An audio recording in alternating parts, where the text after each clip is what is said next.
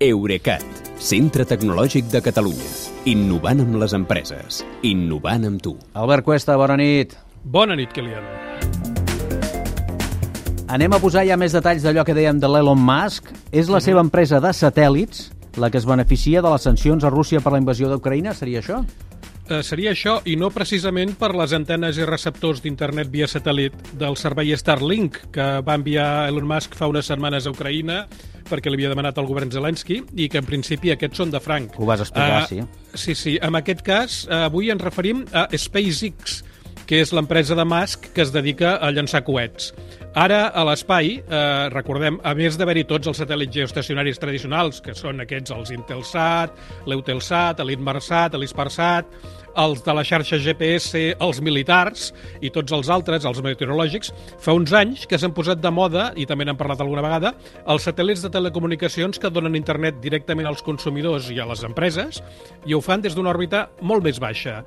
D'aquests, n'hi ha tres grans xarxes. La Starlink, que dèiem, de Elon Musk, la Kuiper, de Jeff Bezos, i una tercera que es diu OneWeb, però que va fer fallida fa un parell d'anys i va ser rescatada pel govern britànic amb, amb diners també d'inversors asiàtics. Doncs bé, fins ara aquesta OneWeb posava en òrbita els seus satèl·lits, i ja en té 428, a bord dels coets Soyuz de l'Agència Espacial Russa Roscosmos.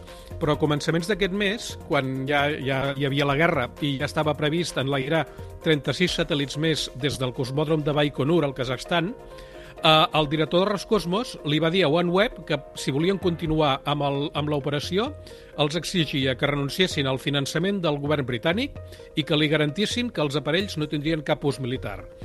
Eh, davant d'això, OneWeb s'hi va negar i, tot i que havien pagat ja el servei per endavant a Roscosmos, s'han hagut d'espavilar per trobar una alternativa. I saps a qui li han contractat els llançaments futurs? M'ho imagino. Doncs, efectivament, SpaceX, l'empresa de coets d'Elon Musk, que és també la matriu del seu rival a l'espai, a l'espai Starlink. La guerra fa companys de viatge inesperats, eh? Per cert, Sí. el veto als coets russos també toca de prop la NASA catalana, allò que se li ha dit la NASA catalana, eh? Sí, uh, sí, perquè, uh, sí, perquè ens entenguem, eh? Uh, perquè el segon nanosatèl·lit promogut per la Generalitat també s'havia d'enlairar en un Soyuz i des de Baikonur, com el seu predecessor en Xaneta de fa uns mesos. Sí, sí. Però potser recordareu que el vicepresident Puigneró ja va dir al Mobile World Congress que hi renunciaven eh, en el marc de les sancions internacionals a Rússia i que el llançarien des d'un altre lloc.